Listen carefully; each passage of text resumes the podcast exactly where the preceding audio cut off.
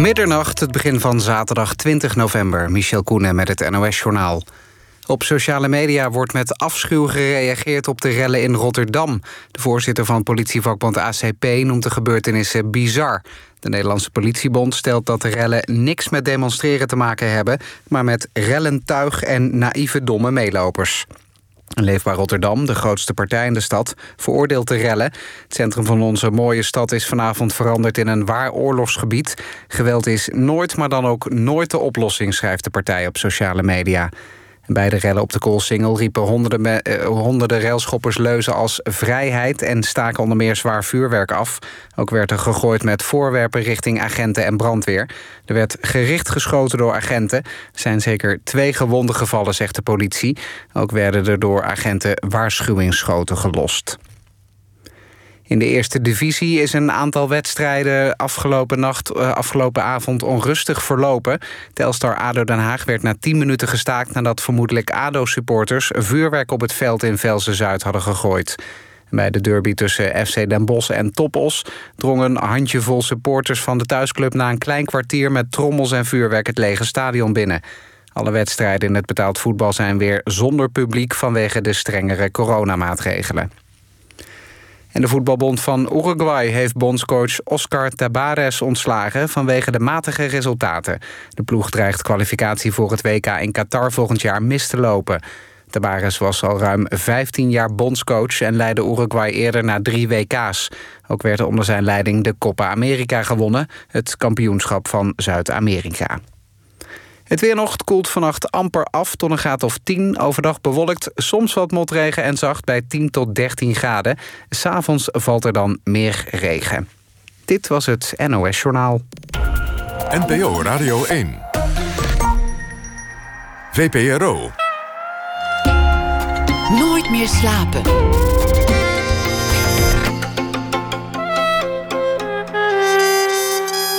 Met Lotje IJzermans.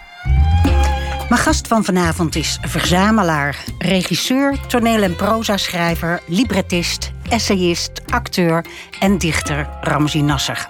De afgelopen jaren maakte hij veel indruk in tv-series als Oogappel en IM... waarmee hij een gouden kalf in de wacht sleepte... voor zijn weergeloze vertolking van Ischa Meijer. Maar won natuurlijk ook een Louis d'Or...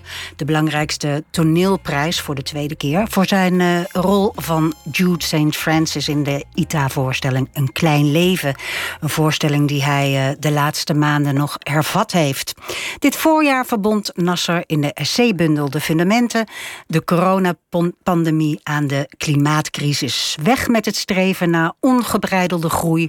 Hang dat rendementsdenken aan de wilgen en kom in godsnaam in opstand. Dat was de hartekreet die bij een grote groep lezers aansloeg. En het boek stond wekenlang in de bestsellerlijst. Deze week verscheen een kloeke bloemlezing van zijn poëzie. Nasser Compacter, waarin het beste werk uit zijn bundels, zijn jaren als stadsdichter van Antwerpen en zijn periode als dichter des vaderlands verzameld zijn. En dat zijn dan bijvoorbeeld gedichten over muziek van Schumann en Shostakovich, maar ook bondige gedichten die raken klappen uitdelen aan voormalig president Balkenende of aan de katholieke kerk. En tenslotte gedichten die zelf klinken als muziek, ritmisch en melodieus, met klanken en woorden die over elkaar heen tuimelen. Welkom, Ramzi. Dank je. Heel fijn dat je er bent. Je was als dichter eigenlijk heel lang van het uh, toneel uh, verdwenen, hè? Ja, een jaar of 13, 14 jaar. Toen ik... Uh, ja, ik ben ermee gestopt in 2000. opa vertelt. Um, omdat het me niet meer beviel. Het blijven herhalen van een toneelstuk. Zeker als je het dan vijf keer per week speelt. Dan gaat de lol er snel af. Um, toen heb ik andere. Toen wilde ik gaan publiceren. Mm -hmm. Dat uh, heb ik gedaan. En ik heb nog wel ge, uh, gefilmd en in series gespeeld. Maar op de planken niet echt meer. en toen, uh, toen werd ik dichter des vaderlands. En daarna, toen dacht ik ineens, ik wil radicaal weer iets anders. Ik, ik, merk dat ik dat vaker doe in mijn leven. Dat ik uh, liever radicaal ver, verander dan zo gaandeweg eruit rollen. Dus toen, uh, ja, Ivo, Ivo van Hoven, met wie ik dus al eerder had gewerkt... die uh, vroeg mij om bij toen nog toneel op Amsterdam uh, te komen. Ja, Toen, toen ben je weer gaan acteren. En Ja. dat is eigenlijk de laatste jaren zo geweest. Is er dan niet een leegte in je leven dat je geen gedichten schrijft? Nee, nee, nee, omdat ik. Je bedoelt sindsdien? Of. eh, Nou ja, omdat je dan zo radicaal verandert. Hè. Je bent eh, stadsdichter geweest. je hebt bundels gepubliceerd, Mhm. vier volgens mij. Je hebt Dichter des Vaderlands. Ja. Dan ben je alsmaar bezig met die poëzie. ja, en, En dan toen- ga je weer spelen en dan is dat weg. Ja, maar ik hou van de afwisseling. En ik heb eigenlijk jarenlang geprobeerd om een soort evenwicht te krijgen. waarbij ik en kan schrijven als ik wil en kan eh, spelen. En dat heb ik nu eindelijk gevonden. Ik kan eh, in zo'n serie als Oogappel spelen of in IM. eh, en ik kan bij ITA in stukken spelen. En ik kan tegelijkertijd ook boeken schrijven, poëzie schrijven. En dit is eigenlijk hoe ik het voor mezelf wil. Ja. En daar heb ik lang, daar heb ik lang voor nodig gehad om dat, uit, om dat te bereiken. Ehm, Wat was daarvoor nodig? ehm, ook dingen laten vallen. En ook aangeven dat ik niet 100% voor het een beschikbaar wil zijn. Eh, eh, terwijl dat wel normaal zou zijn. En ook, eh, ook heel fijn is. Als je alleen maar acteert, is dat geweldig. En dan moet je zelf dus beslissen: nee, ik wil een x aantal maanden per jaar vrijhouden om te schrijven. En dat is vooral een kwestie van planning. Dus dat is. Eh, vooral mijn agent heeft het daar erg zwaar mee. Laat poëzie zich plannen? Ja, jawel, jawel. Er zijn verschillende soorten mani- manieren om poëzie te schrijven. Eh, eh, het, liefdesverdriet is een hele goeie. Ehm, nee, maar ik bedoel, de grote gebeurtenissen des levens.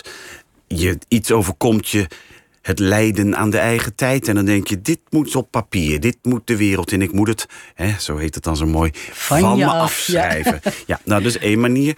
Dan heb je een manier waarbij je bijvoorbeeld... dat had ik bij mijn tweede bundel, Onhandig Bloesemend... waarbij je geliefde gaat verzinnen.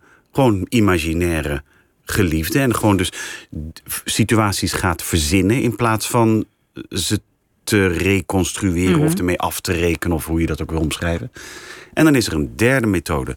Dat is gewoon, en dat is eigenlijk is dat de fijnste... gaan zitten met een leeg vel, niet weten waarover je gaat schrijven... En dan het, het horror vacui van ja, alles kan. Ik, eh, onbeperkte vrijheid. En kijken wat daaruit komt. Gewoon puur de liefde voor taal. En dan is er een vierde. Ik zei er net dat ik de derde het interessant vond. Maar eigenlijk vind ik de vierde het interessantst dat er een opdracht is. Een Ja, vind je dat fijn? nou, dat, dat, dat eh, je denken gaat een, een bocht om. Eh, je bent gewend in bepaalde patronen te denken en ineens moet je een gedicht over. eh, een vriend van mij is chirurg en die vraagt: wil je een paar sonnetten over endoscopische chirurgie schrijven?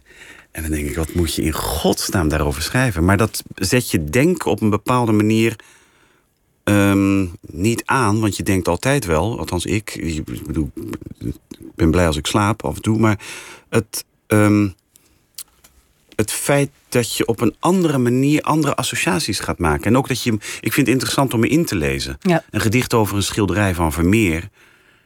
Ja, dan wil ik, dan wil ik al die schilderijen kennen. Of, of, of over de bankencrisis. Of over, over nou, wat dan ook. Een Ja, aanslag. dus je wordt graag gevoed voor een gedicht. Ja, en soms kiest het je ook. eh, Soms heb je het zelf niet in de hand. Dan is er een aanslag op het Koninklijk Huis. En dan moet er die middag. Althans, dat moet niet. Maar dan moet je alles opzij leggen. Omdat je denkt: ja, dit is te groot nieuws. Dit, hier moet ik nu iets over schrijven. En dan krijgt het een soort journalistieke waarde. Ja. Wat heel oneigenlijk is voor poëzie. Maar ik hou ervan om poëzie een beetje te. niet misbruiken, maar oneigenlijk te gebruiken voor andere doelen dan je gewend bent. Zoals stadsdichterschap. Eh, Ja, over Antwerpen. Ik was stadsdichter van Antwerpen in 2005. Dan wil je iets schrijven over Antwerpen, over iets wat dan gebeurt. De bouw je- van een bibliotheek bijvoorbeeld. Precies, de opening van een nieuwe ja. stadsbibliotheek. En tegelijkertijd hoop je, wil je iets schrijven wat over vijf jaar ook buiten Antwerpen nog misschien gelezen kan worden. Dus je denkt, nou ja, je denken verlegt zich. Ja. Dat is interessant. Dat is fijn om.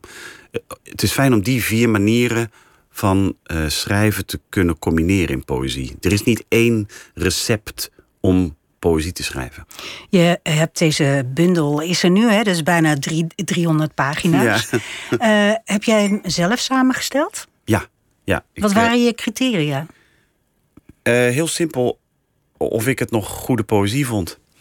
Ehm, moet ik erbij zeggen, niet alleen, want er zijn er zitten zat gedichten in, sprak hij arrogant, die, die, eh, eh, die ik goed vind, maar die niet in de bundel zijn terechtgekomen.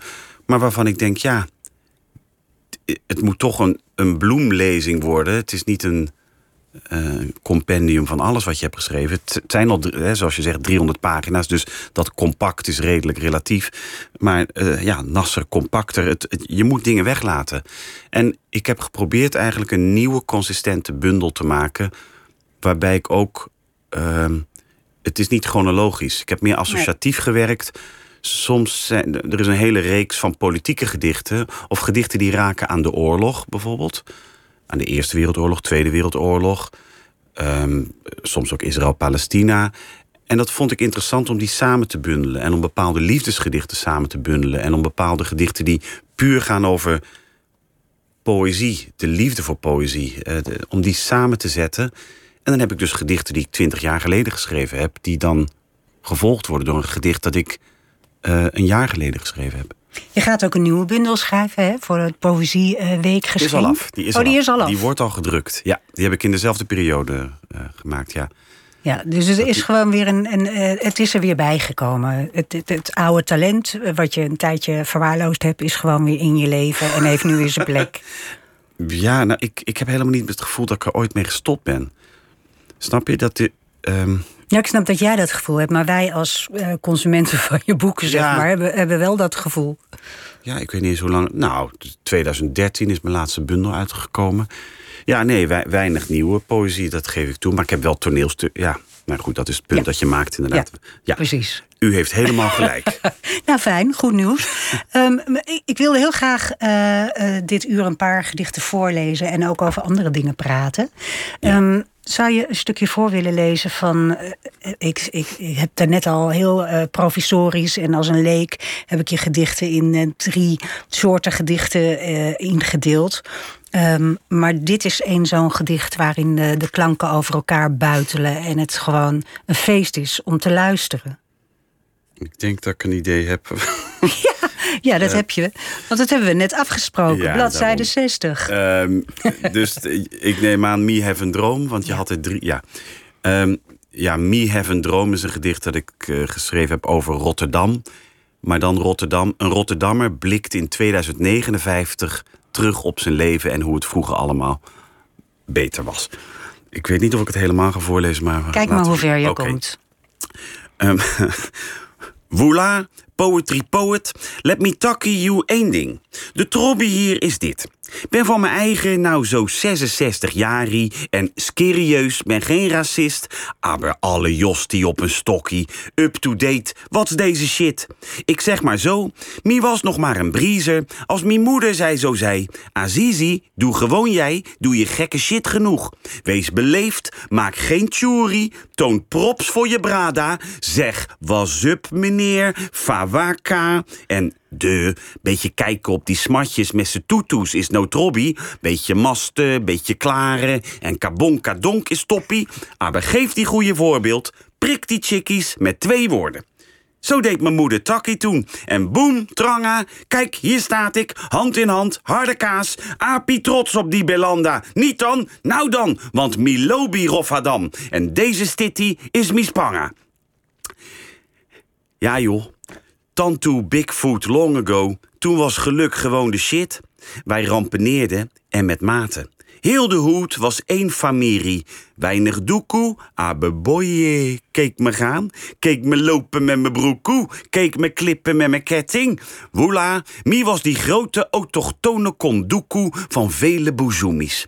Op lijplauwe patta's kwam ik vet binnensteppen. Van pompiedoppen lopen de lopie door die stad. Dat met zijn gebouwen botertje bats aan de big time Punani Master zijn voetslag.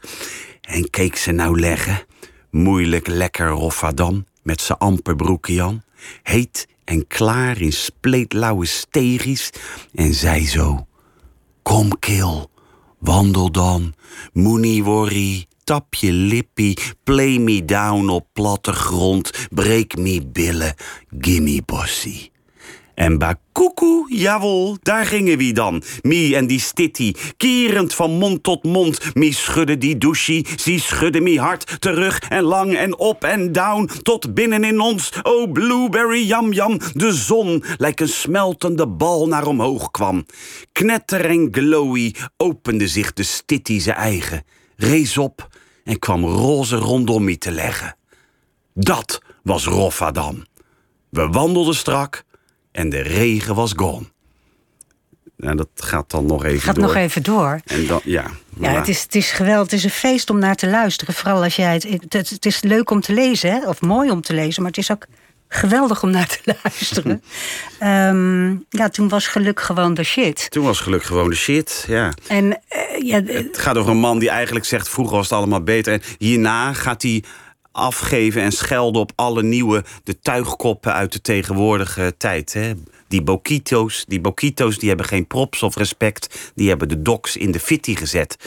Het, eh, eigenlijk zegt hij alle buitenlanders moeten eruit. ja, Maar wat ik interessant vind aan taal is dat het dus altijd evolueert. En taalpuristen lopen altijd achter. Je kunt wel zeggen, het moet worden. Hè, eh, taalverandering is niet goed, maar het taal verandert. De- Het is gewoon zoals evolutie, zoals dieren veranderen, zoals planten veranderen, zoals het leven verandert. De metamorfose van Ovidius, snap je? Alles het verandert. is een levend organisme, taal. Precies, dus ik vond het interessant om iemand in, niet alleen in straattaal, maar in een veranderde straat, soort futuristische, zelfverzonnen straattaal, te laten zeggen: God, vroeger, Vroeger was alles alles nog beter. lekker mooi wit en lekker overzichtelijk. Ja, wat zegt hij? Vol is vol, beland daarboven. Vol is vol, beland daarboven, sluiten die shit en Ja. alles weer basiscontrole. Terug lijkt de weerga. Het is één soort eh, poëzie die jij eh, bedrijft. We gaan straks nog andere soorten horen. Maar Rotterdam, vanavond natuurlijk eh, op zijn minst leuk in het nieuws, Nou, leuk. is jouw stadje. Jij bent daar geboren en getogen. Ja, ja, Rotterdam. Het, ja, het, ehm, Heb je dan nog iets-? Ja, heb je iets speciaals met die stad of niet?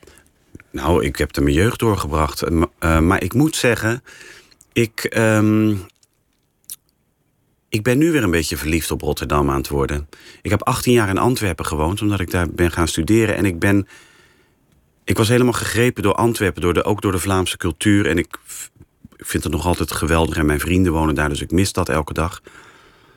Ehm, en waar ik van hou in Antwerpen, maar ook in steden zoals Florence, Venetië, et cetera, is de geschiedenis. De, het, de, overal waar je loopt, is de, voel je de geschiedenis.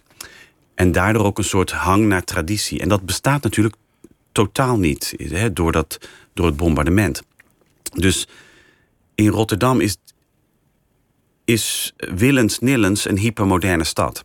Nu is het dat helemaal geworden. Toen ik net klaar was met de middelbare school en op de middelbare school zat, was het nog één bouwput. Het was Ja. heel heterogeen en ik wist niet wat ik ermee moest. Ik, het- ik was ook niet zo'n fan van de wederopbouwarchitectuur. eh, dus ik werd verliefd toen op Antwerpen. En daar heb ik met heel veel eh, plezier gewoond. En nu ervaar ik wat de echt grote kracht is van Rotterdam. Ook tegenover een stad als, als Amsterdam. Het, Nou, juist het nieuwe, juist het, het, het enorm groot steeds. Dat heeft eigenlijk en- geen één stad in, in, in Nederland. nee, inderdaad, de, de, de wijte. En, en ik... eh, Nou ja, Rotterdam is echt in de laatste jaren heel erg veranderd. En Hoe was je jeugd daar? Mijn jeugd? Ja. Heel, heel idyllisch. Heel idyllisch. Eh, ja. In Blijdorp, ik heb een heel fijne familie. eh, die me altijd heel erg... Mijn ouders hebben me enorm gesteund. Eh, hecht gezin. En het was een soort driehoek. Mijn opa en oma woonden twee straten verderop. Letterlijk, wij woonden op de Statenweg en zij woonden op de Statensingel.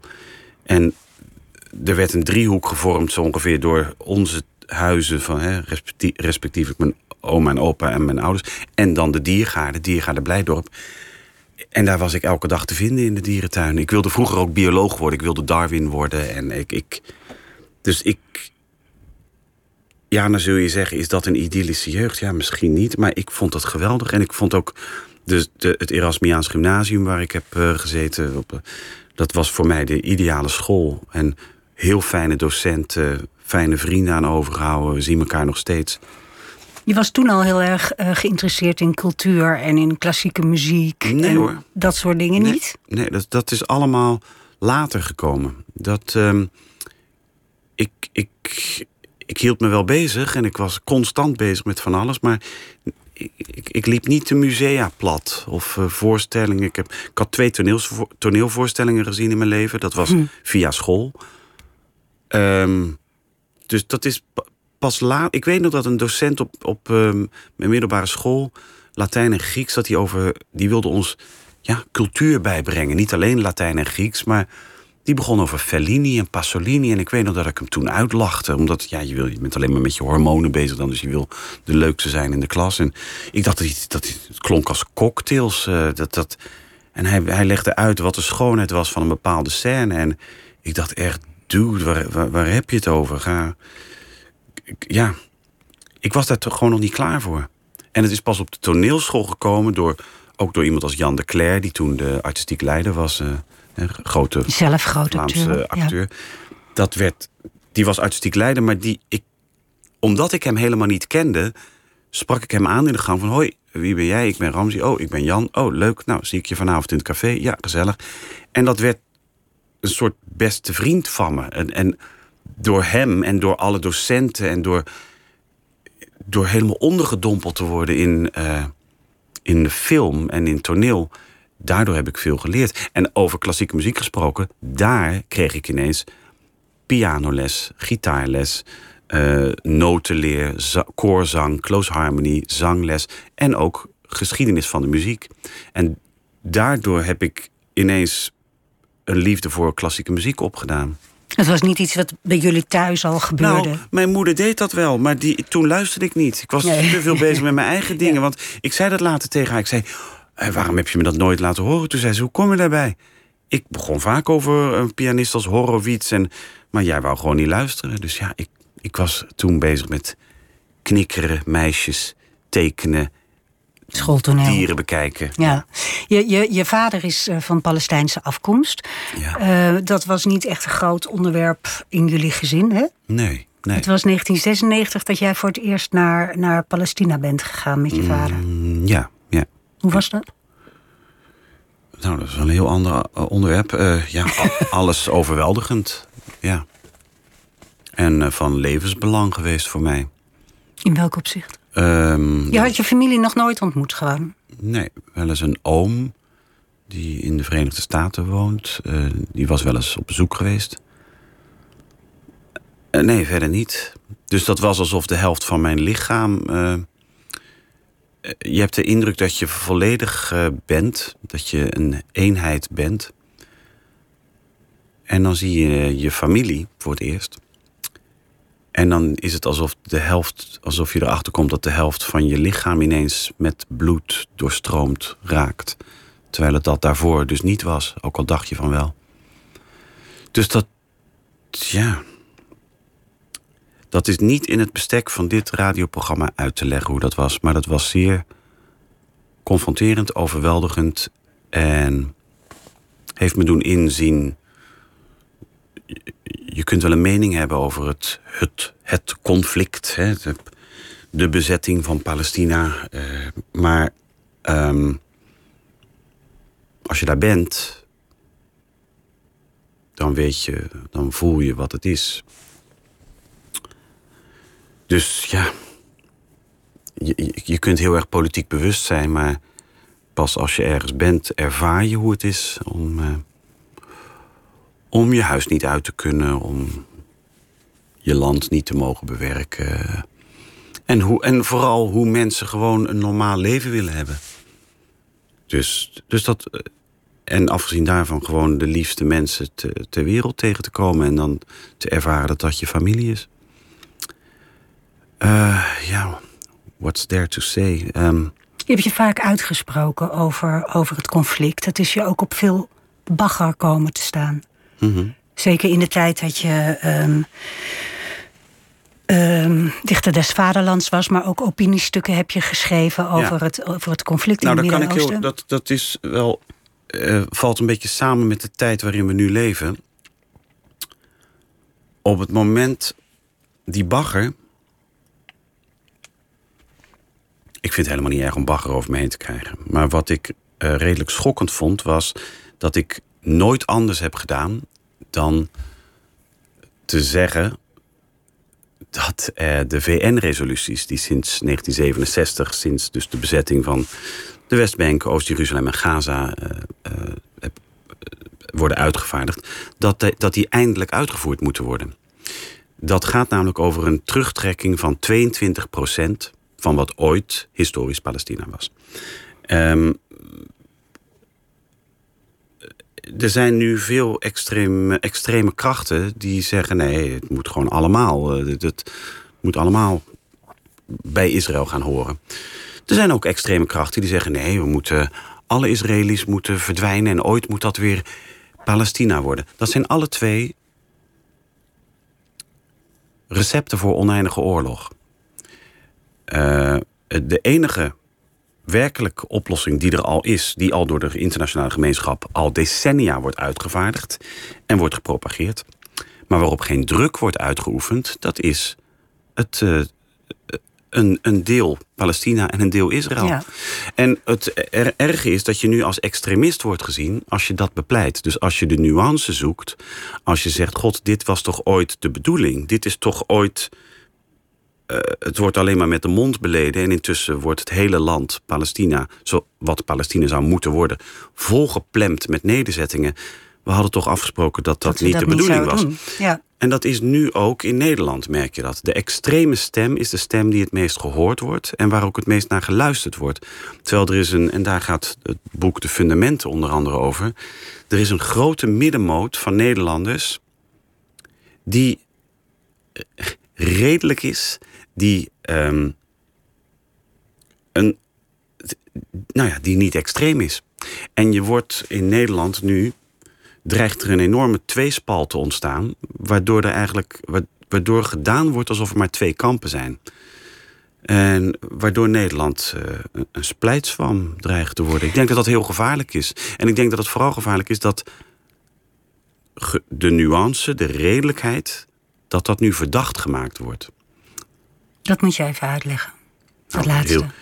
Heel, eh, heel, ja, eh, heel simpelweg mensen in, in, in de zorg eh, die gewoon aan het eind van hun Latijn zijn en die gewoon gewantrouwd worden van ja, dit is allemaal, het is allemaal één grote setup.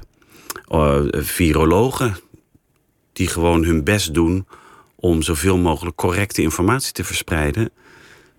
En die gewoon eh, voor natie worden Ja. uitgescholden. Ik kan nog zo wel wat voorbeelden opnoemen, maar als je als gevaccineerde, als NSB'er wordt weggezet, dan denk ik toch wel dat we als Nederland een probleem hebben als we dat niet tegenspreken. In, in je boek De Fundamenten gaat het heel erg over die middenmoot die wel welwillend is. Ja. En die zich ook blijkbaar aangesproken voelde Ja. door je boek. Want het Oh, verkocht oh. als een gek. Wat? Ja, nee, ja, nee, ja ik, ik beaamde het, maar ik wist niet dat je dat ging zeggen. Maar, eh, Nee, ja, ja, mensen kennelijk. voelden zich aangesproken. Het gaat niet over verkoop, het gaat over eh, reactie. Ja. Eh, een van de dingen die je zegt is, hè, daar komt de titel ook vandaan, onze fundamenten zijn ornamenten geworden. Want het fundament van de samenleving is de zorg, het onderwijs, de kunst en cultuur. En dat soort dingen zijn alleen nog maar versierselen, want daar zit niet het, het, het winstoogmerk. Terwijl dat de basis is. Ja. En dat vond ontzettend veel, veel eh, weerklank. Je hebt het boek ook aan Rutte aangeboden, toch? Of niet? Nou, hij heeft Je het bent gelezen. geweest. Ja, hij heeft het gelezen, ja. ja. Dat was niet, verder niet een interessante ontmoeting. Nou, hij vroeg me inderdaad, naar aanleiding daarvan, om in het, in het torentje eh, om eh, te komen praten. En dat was een heel verwarrend gesprek. ja. Verwarrend. Want God, dat is, al, dat is niet zo. Ja, dat vind ik eigenlijk niet zo netjes, omdat hier Nee, uit, dat snap uit in die open. Dat was een privégesprek, maar. ehm, wat mij wel verbaasde was dat hij totaal niet doordrongen leek te zijn van een, het grote gevaar dat Nederland eh, omringt. Of En bedoel je dan het klimaat? Ik, ik, weet nog, ik weet nog dat ik. eh, nou, hij vroeg van wat is de stemming eh, in het land. Ik zeg, nou, dat, eh, dat weet u beter dan ik. Nee, nee. Ik kom te weinig onder de mensen. Het, het, toen was het juni. Ik zeg, nou, ik denk dat Nederland heel graag wil dat de formatie. Dan hebben we het over juni. Hè. Ik zeg, nou, mensen vinden dat het de formatie lang, lang aansleept. Ik denk dat mensen graag een nieuwe, nieuw kabinet willen. Nee, daar zijn de Nederlanders niet mee bezig. Ik zeg, nou, ik denk het wel. Toen ging het. Toen zei ik, ik, ik sprak iets uit. En dat ging over. ehm, ik zei, ik ben bang dat bepaalde extremen in Nederland elkaar gaan raken. En gaandeweg een soort bastion of een cordon gaan vormen rond een soort redelijk midden. En dat je daarmee dat midden kwijtraakt. En ik zei bijvoorbeeld, kijk, de, je hebt, ik ga nu even in generalisering praten. Dus dit, is niet zoals ik over bepaalde mensen denk, maar om het even helder te scheppen. De virusontkenners, de complottheoretici, die hebben een, die hebben een, een, vinden in bepaalde vlakken extreem rechts. Rechtspopulisme, hè, Forum voor Democratie. Ze vinden ook boomknuffelaars. Ik zeg het bewust even heel plat. eh, yo- Yoga-instructrices die vinden dat ze ook geen vaccin moeten nemen, want dat, dat raakt niet. En, de, en die vinden Vrijheid, dat, dat ja. vrijheid en ik kan zelf bepalen wat goed is voor mijn lichaam. Maar daar is, en dan heb je bijvoorbeeld Extinction Rebellion, wat ik een zeer goede organisatie vind, eh, die burgerlijke ongehoorzaamheid pleit om bepaalde milieumaatregelen eindelijk af te dwingen. En ik merk dat ik zelf daar gaandeweg ook enigszins me daartoe aangesproken voel. Me aangesproken voel door een wantrouwen jegens de oprechtheid van onze leiders. En ik denk dat dat heel gevaarlijk is als veel groepen mensen die je eigenlijk altijd aan de rand van de maatschappij zou willen plaatsen, dat die een cirkel gaan vormen, een cirkel van wantrouwen tegenover de oprechtheid van onze politieke leiders. Ik ben zelf zwaar ontgoocheld al jaren, maar door de toeslagenaffaire, et cetera, hoe burgers gewoon gemangeld worden in een systeem. En wat ik, waar ik ook door ontgoocheld ben, is dat er, ge- de, het kabinet treedt af en zegt er moet een grote bestuurlijke omslag Ja. komen. En er wordt lang geformeerd, lang, lang, veel te lang. En uiteindelijk zijn ze eruit. We gaan het gewoon zelf weer doen. Dat vind ik van zo'n. Ik gebruik het woord bewust. Minachting en zelfs een verachting van de burgergetuigen. Dat ik echt bang ben voor de gevolgen hiervan. Want ik voel me daardoor aangesproken. En, en het punt is eigenlijk dat je kunt ze allemaal. Je kunt zeggen het zijn extreme. Hè, een PVV'er vindt dat alle kunstsubsidies moeten worden afgeschaft. Dus ik zou niet graag in het kamp van de PVV'ers willen staan. Maar ik snap die mensen. En ik denk dat dat de sleutel is ook tot de oplossing. Elkaar proberen te begrijpen wat er in de geesten van mensen zich afspeelt. Een, een gevoel dat mensen niet gehoord worden. Dat er niet gehoord wordt, geluisterd wordt naar concrete problemen. Dat legde ik uit aan hem. In kortere bewoordingen. En het was alsof hij water zag branden. Hij had helemaal geen idee. Ik vind het niet leuk, want nu lijkt het, snap je, roddelen over de premier. Maar ik vond het schokkend dat hij geen idee leek te hebben waar ik het over had. Nou, hij zei het al, hij heeft niet echt contact met de samenleving. Ik denk dat dat een boetade was. Ik kan me niet voorstellen dat hij dat meende. In- Eh, hij zei, ik kom te weinig onder de mensen. Dat is natuurlijk waar, snap je? Ik bedoel, hij... Ja, Maar het is wel schokkend dat als jij zoiets schetst, wat op dit moment aan de hand is, je hebt een middenmoot en je hebt daaromheen tal van groepen hij zei van, dat is het probleem. die zich niet gehoord Ja, dat, voelen. hij zei, dat probleem zie ik echt niet. Nou, we zijn een eh, half jaar verder. Je hebt hem daarna nog een, een, een berichtje gestuurd op, op Facebook of op Instagram. Ja... Nee, over dat hij... Over zijn, eh, hij had iets getweet over Israël. En toen zei hij, Ja, nee. hoi Mark, even een berichtje om dat te zeggen dat nee, je schoft bent. Nee, dat was voor. Nee, nee, nee, nee. Kijk, maar nu moet ik het uitleggen. Dit is dus hoe slecht. Nu moet ik dit even Ja, uitleggen. Ik heb niet gezegd dat hij een schoft is. Toen Gaza werd gebombardeerd, heb ik geschreven, omdat Rutte zei: Israël heeft het recht zich te verdedigen. Dat was het enige wat hij Ja. zei over het hele conf. Over, Hij schreef niks over de Palestijnen. hij, zei, Hij zei gewoon: Israël heeft het recht dit te doen. En uh, toen heb ik geschreven: als dit het enige is wat je te zeggen hebt. Over wat er nu gaande is daar. En we hebben allemaal die beelden gezien van gewoon onschuldige burgers. die het stenen tijdperk in gebombardeerd werden. als ze niet voor, uh, gedood werden door die bombardement. Als dit het enige is wat je daarover te zeggen, heeft, te zeggen hebt. dan ben je echt een schoft vervolgens zie ik hem in het torentje. Ik ben er niet over begonnen. Oh, dat was daarna? Dat was daarna. En toen zei hij aan het eind van het gesprek... Zei hij, hey, heb je het gezien? Ik heb mijn tweet nog aangepast. Hè? Ik heb nog gezegd uh, dat, uh, ook, uh, dat Israël ook zich aan het internationaal recht moet houden. Dus ja... Ik, maar ik, ik, heb, ik, heb, ik probeer hier niks mee te zeggen, maar ik wil wel uitleggen. Ik wil de context plaatsen. Ja. Ik noem niet iemand graag of zonder reden een schoft. Ik, ik wil juist dat er minder gepolariseerd wordt. Maar als een premier zoiets zegt in zo'n situatie... waarbij zoveel onschuldige burgers daar, sterven... Nee, hij, nee, was niet de enige die daar boos over was. Nee, precies. Er waren tal van politieke partijen ook uh, boos over. Precies. In je boek schets je eigenlijk dat uh, het geweten de oplossing is om uit deze crisis te komen. Ja. Heb je er een hoge pet van op, van het geweten van de mensen? Nou, dat, dat, dat, dat, dat vind ik zo. Het laatste. Kijk, wat ik niet probeer te doen met het boek, met de fundamenten dan, is aangeven hoe we het allemaal zouden moeten doen en ik doe het zo goed. Ik probeer juist aan het boek aan te geven, met voorbeelden, ook uit mijn eigen persoonlijk leven, dat het heel moeilijk is om volgens dat geweten te handelen. Maar ik denk wel dat het de enige oplossing is die ons uit deze verlamming, de klimaatcrisis, de bestuurlijke crisis, de woningcrisis, et cetera, al die crisis, de, de pandemie, die ons uit die verlamming kan weghalen.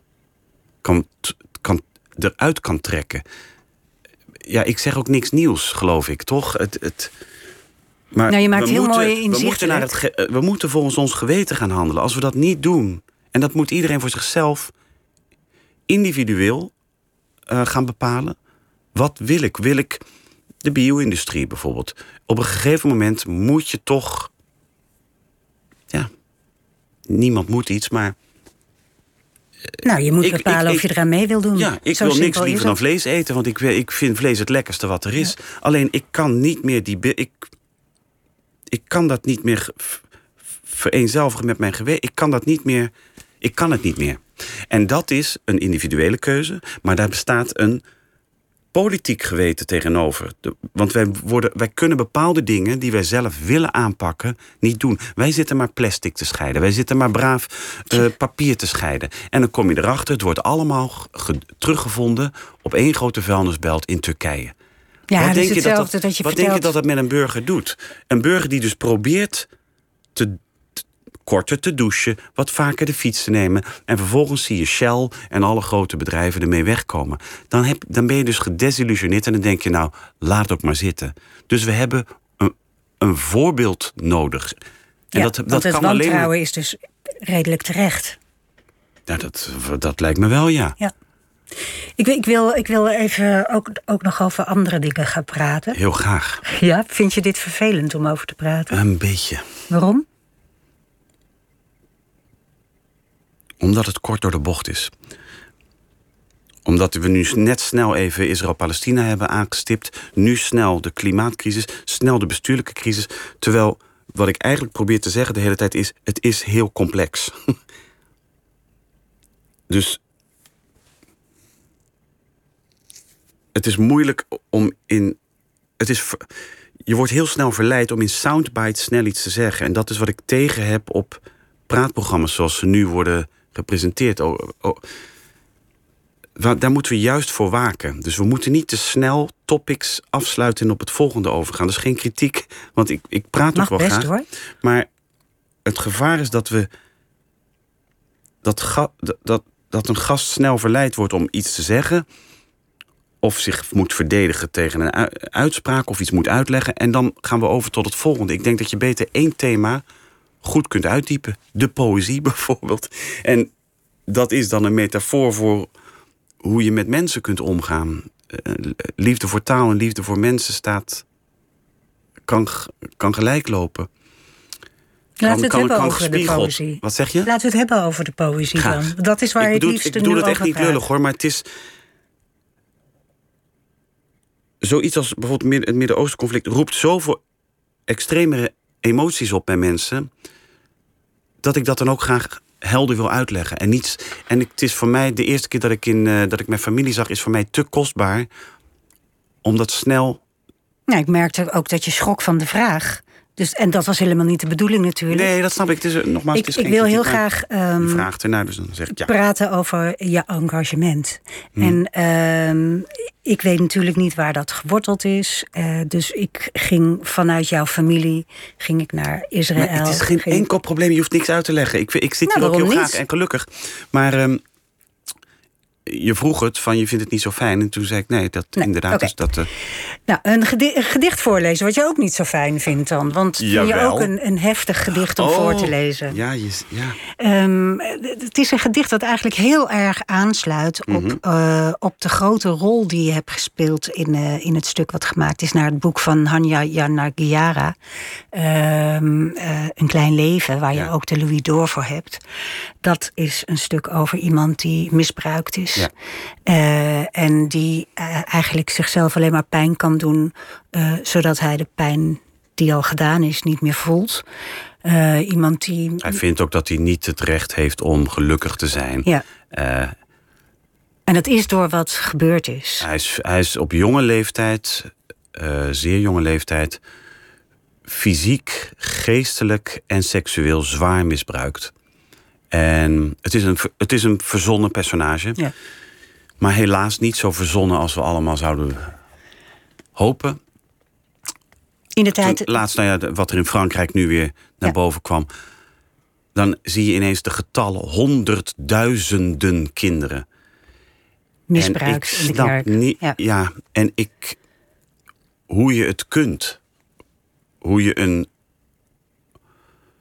Als autoriteit. Met, hoe je zelf in een God kunt geloven. Deel wordt van een systeem waarbij je macht hebt over kinderen. Die kinderen kunnen niet naar huis. Of ze zijn door hun ouders verstoten. Of ze zitten daarop in een soort. Ja, nou goed, ik hoef het niet uit te leggen. Je hebt macht over een kind alle macht. En je kunt ook nog eens dreigen met, hemel, met hel en verdoemenis. En dan denk ik, hoe kun jij zelf in een hemel geloven als je kinderen misbruikt en ze het zwijgen oplegt door te dreigen met een hel? Dan, ja, dat, is, dat vind ik zo pervers. eh. Ja, dat is het zeker. En in dit gedicht is het heel erg Ja, dit is- aangrijpend, omdat het zo, zo concreet is. Nou, Het is geschreven, eh, uiteraard, toen dus de, de, de broeders van liefde onder andere in het nieuws kwamen. En het, de, de grootschaligheid van het misbruik eindelijk aan het licht kwam.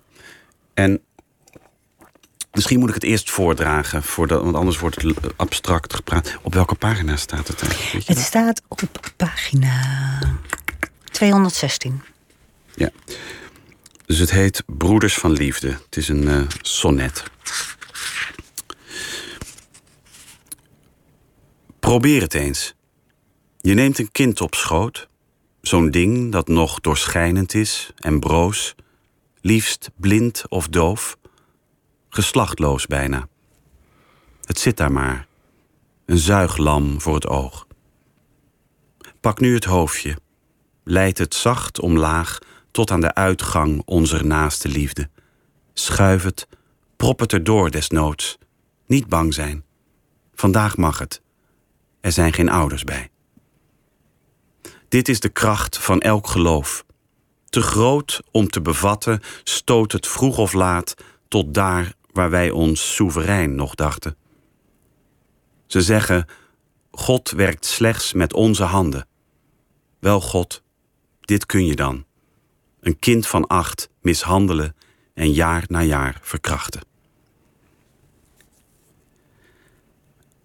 Ehm, Het is een ontzettend heftig gedicht. ja, en ik heb het. Het is geworden wat het is geworden, omdat ik in die berichtgeving ik, ik merkte dat een heleboel mensen in mijn omgeving, mezelf in Kluis, ik zelf in Kluis, erover spraken van ja, dat misbruik, het misbruik in de katholieke kerk en het misbruik van die kinderen, dat is natuurlijk schandalig. Dat misbruik, misbruik. En op den duur wordt het iets abstracts. Wordt het woord misbruik een vorm van poëzie bijna? Het is, het is niet meer concreet. Uh, ja, het is een we praten erover. Het, ja. het is een eufemisme, maar het is ook een manier om erover te praten. Op het moment namelijk dat je altijd bij het woord misbruik of bij het woord massamoord of groepsverkrachting ervaart wat het woord inhoudt, kun je geen gesprek meer voeren en ga je kapot. En er zijn ook mensen die zo gevoelig zijn, hè, die, die, die, bij wie dat binnenkomt. En dus hebben we dit gevonden om, om zeg maar referentieel over de zaken te kunnen spreken. Poëzie doet iets anders. Poëzie maakt taal levend. De verwijzende functie van taal. Ik wil een brood kopen, dus ik wil zo snel mogelijk zeggen: eh, geef mij een brood, dat brood daar, ik wil een, hè, een volkoren. Dat is verwijzend. Het, de kortste weg. de kortste weg. Je wil zo, zo, snel mogelijk van A naar B. In poëzie wordt die weg uh, tot een omweg. Dus je kunt van A naar B via Q, via umlaut, via apenstaartje. Het taal gaat leven, gaat zelf iets, voor, iets vormen. En wat ik in dit gedicht wilde was poëzie. Dit klinkt een beetje grof, maar de poëzie misbruiken om het thema misbruik concreet te maken. Dus het woord misbruik uit de doornroosjeslaap wekken. En dus die heftige beelden, dit is het. dus het is poëzie, het is een sonnet, omarmend rijm en alles, twee kwatrijnen, een, een uh, sextet. Maar ik wilde tegelijkertijd dat het zo concreet zou zijn dat de beelden je onpasselijk maken. Zo onpasselijk als je wordt van de gedachte dat het met jou zou overkomen. En de gedachte, nou ja, ik wilde het. Het was, het was een, een, een... Laten leven. Ja. Wekken, wekken uit een slaap. Ja. Je wilde het ook in vorm misbruik laten zijn. Ja, ja. inderdaad. En uh, hoe werd er gereageerd? Want het is al van een jaar of tien geleden. Ja, uh, god, dat, dat, dat weet ik niet meer. Het, nee? Uh, mensen vonden dat heftig inderdaad. En dat was ook precies de bedoeling. Soms, ja, ja, ik, ik weet niet meer precies. Het werd goed ontvangen, geloof ik. ja, ik weet het. Nou ja, dat weet ik. Ja, ik weet het niet meer. Ik, ik, uh, er waren mensen die dat een heel heftig gedicht vonden. En, uh, en ook dus in het negatieve van, moet dat nou? Ik denk, ja, dat moet. Ja, ik kan, me, ik kan me de gedachte voorstellen, moet het nou? Maar inderdaad, het moet om, om te laten zien wat het is. Nou, dat moet. Kijk, dat heeft ook... Um, wat een, een dichterschap des vaderlands doet, ook een stadsdichterschap, is poëzie, wat ik net al zei aan het begin. Poëzie kan oneigenlijk gebruikt worden. Poëzie heeft een. Uh, we praten over poëzie altijd als iets dat losstaat van ruimte en tijd, inspiratie, uh, myth, iets mythologisch. Uh, iets romantisch. Romantisch ook. Terwijl dat heeft eigenlijk niks met poëzie te maken. Ehm, wat ik wilde was het zo omleggen dat, ja, dat het gaat leven. Ja, ik kan het gewoon niet goed uitleggen. Ja, je hebt het goed uitgelegd. Ja. Je, je, je, wil vast nog wel een gedicht lezen, toch? Zeker. Honing, 279. Dat gedicht heeft me... Uh, nou, je moet het eerst even lezen. Hm. Het is onderdeel van een cyclus gebaseerd op uh, het uh, lied der dwaze bijen van Martinus Nijhoff. En het gaat dus over die, bijen die dus al maar hoger wilden rijken. Um, en het is een cyclus van zes gedichten geworden. Wat eigenlijk een soort archeologische cyclus is geworden. Vanaf het eind van de ijstijd het ervaren van godendom tot de moderne tijd waarin we los zijn van de goden. Zelf goden denken te zijn geworden. De cyclus heet dus Het dooit onder de korven. En dat gedicht dat jij wilde horen heet Honing. Dat is eigenlijk het tijdperk waarin, vlak na de ijstijd, waarin, nou ja, waarin gebeurt wat in het gedicht gebeurt. Honing. Wij hadden afgesproken, spoedig, halverwege, tegen het aanbreken van de seizoenen, te midden van bomen, bijen, kreken. Reuzeneieren lagen vergeten in het woud, alsof elke ijstijd zijn terugkeer gereed houdt, verse kou uit te broeden bij heimwee. We hadden modderpoelen van ze gekregen om zelf onze eilanden te kneden. Het jaar mochten wij nu in vieren delen. We stierven bij bosjes, leefden tevreden. De ochtend verbreidde zijn godenschemer. Eindelijk iets om voor te vrezen. Ik wurgde wat maagden aan het veen, stapelde gletsjerkeien om me heen, ging liggen met mijn trechterbekers. En daar kwamen ze. Halverwege, als beloofd, wit en breekbaar naar beneden.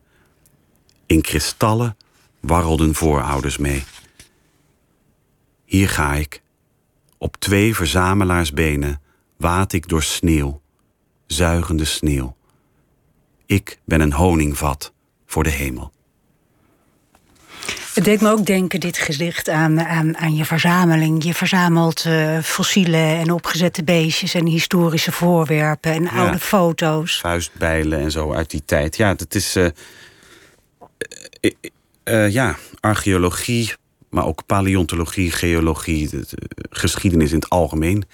Heeft me, geschiedenis die tastbare vormen nalaat. Of het nu kunst is, of een hunebed, dat heeft me altijd Of een gebruiksvoorwerp. Of een gebruiksvoorwerp. Of, of een kristal. Ik verzamel dus ook uh, gesteentes. Piriet. Hoe kan dat nou een volmaakt vierkant vormen? Ja, dat is de natuur. Dus dat geschiedenis vormgegeven. Het tegendeel van poëzie dus eigenlijk. Wat het minst tastbare ter wereld is. Afgezien van muziek. Um, dat, daar heb ik een fascinatie voor, ja. Relicten, uh, artefacten. Het, uh, veel van die dingen die. Je, je, bent een paar keer op televisie geweest met, met je verzameling. en, Mhm. en, en, sommige dingen begreep ik ook heel goed. Met name de foto's. Van oude foto's waarin mensen heel Ja. lang stil moesten staan. en daardoor heel ongemakkelijk keken. Eigenlijk omring je met, met gestold leven. Ja, dat is inderdaad een goede. Ja. Gekristalliseerd leven. Wat biedt dat jou, dat gestolde leven? Hou vast. Waarvoor? Op welke manier? Ehm, het, het, ja, het is heel eenvoudig. Het is een, een, een raam. Ik, ik heb mijn eigen universumpje, mijn persoonlijke universumpje gemaakt thuis. En ik kijk naar een, een liqueurflesje uit de jaren dertig. Wat ik alleen mooi vind vanwege de manier waarop het glanst. En oude foto's, oude prenten uit de 17e eeuw, gesteentes, opgezette dieren, vuistbijlen. de- die dingen geven mij houvast. Eh, Ja, ik kan het niet anders uitleggen. Dat, dat zorgt ervoor dat ik, ik heb altijd dingen willen begrijpen. En begrijpen is een vorm, er zit het woord grijpen in, vatten. Je wil iets vatten. En dat begon eerst bij mij met boeken en cd's verzamelen. Zodat als ik de rug van een boek zag, een schrijver of een plaat of een cd, kon ik, wist ik me omringd door, door die mensen eigenlijk. Die mensen die dat geschreven hadden. En ik kon het altijd uit de kast halen om het te lezen of te beluisteren. En dat gaf mij een gevoel van vriendschap, warmte. En dat heb ik nu uitgebreid naar de dingen des levens. Ik, ehm, ik, ik, als ik, ja, een vuistbel in je handen houden van een Neandertaler. Dat, dat vind ik, dat ontroert mij zo diep. Ik heb daarmee contact met een Neandertaler, een uitgestorven mensensoort. Ja, what's not to like? Ik, ik weet ook, er zijn ook mensen die vinden bijvoorbeeld oude fo- 19e eeuwse foto's van. Ik had het eens, ik had er net eentje gekocht en ik liet dat zien aan iemand waar in Parijs een, een programmeur uit China, geloof ik, eh, die theater programmeert. Ik zei, kijk, dit heb ik net gekocht. En ze zei, but, but these people are dead. en exact de reden waardoor zij, waardoor het haar afstoten, is de reden waarom het mij aantrekt. Omdat ik echt denk dat dat is een anoniem persoon. Het is niet meer bekend wie dat is. Het is een foto uit 1850, 1855. Maar die zit in mijn collectie. En het gaat niet om het feit dat die in mijn collectie zit, maar ik kijk daarnaar En het gaat er ook niet om dat ik ernaar kijk, maar degene die daarnaar kijkt, wekt die persoon gedurende het kijken weer tot leven. Ja, dus het Nou, is zoals je soort... weet heb ik ook een fascinatie voor Orpheus. Het, het, ja, je, de Orpheus, dood de figuur die eh, afdaalde in de altijd in de onderwereld. onderwereld om zijn geliefde die, die de- dood was, Eurydice, om die terug te winnen uit, uit de onderwereld. Ja, dat, dat project verzamelen is een manier ook om de dood, en dan bedoel ik niet eens zozeer de dood van mensen, maar het doden tot leven te wekken. Heeft het ook iets met een verlangen naar eeuwigheid en onsterfelijkheid te maken? Nee. Het heeft het eh, te maken met het aanvaarden van de sterfelijkheid. Ik ben een groot fan van de evolutietheorie. Ik vind het ook het meest beangstigende wat er bestaat. Je zei daar straks dat je vroeger Darwin wilde worden als je later groot ja, dat was. leek me geweldig. Wat, wat, wat, wat, wat Maar is dat had iemand al gedaan. Wat is het wat je zo eh, ontzettend raakt in die... eh, Het is de, het is de meest alles omverstotende gedachte die er bestaat. En om dat uit te vinden in een wereld waarin alles van God gegeven leek te zijn, alles statisch leek te zijn, waarin mensen ook als ze dus een schelp vonden in de bergen, dachten ze ja, het, dachten ze er niet aan dat dat dus een opgeheven ge- eh, eh, zeebodem was. Dat je, en hij stond daar niet alleen in. Hè. Er waren in die tijd veel mensen die met dezelfde gedachten rondliepen. Maar de gedachte dat jij er werkelijk niet toe doet. Dat er geen doel is van jouw leven. Dat er zelfs geen reden is waarom jij bestaat in de vorm waarin je nu bestaat. Het feit dat als je werkelijk tot je door laat dringen dat als er 65 miljoen jaar geleden geen meteoriet was neergevallen, de dinosauriërs niet zouden zijn uitgestorven en de zoogdieren niet zouden zijn ont hebben gefloreerd ja. zoals ze dat nu doen, waaruit wij dus weer zijn voortgekomen. Het feit te accepteren dat wij niet het kroon, de kroon van de schepping zijn, maar evenveel waard zijn als een strontvlieg, een das, een kolibrie, een schimmel. En dus eigenlijk te aanvaarden dat je hetzelfde bent als alle andere vormen van leven, dat is aanvankelijk heel beangstigend. En dat is het grote gat dat je aanstaart. Maar als je dat omarmt, denk ik dat een heleboel problemen in je leven zich vanzelf oplossen. En ontstaat vanzelf een kracht in je of een wens om de wereld niet helemaal te verpesten. Voor wie er na ons komt. Of dat nu onze kinderen zijn, of dat het nu dieren zijn die moeten overleven, of dat het de planeet is. Het, het bevrijdt je van een enorme druk om te presteren, om de beste te zijn, om het meeste geld te verdienen.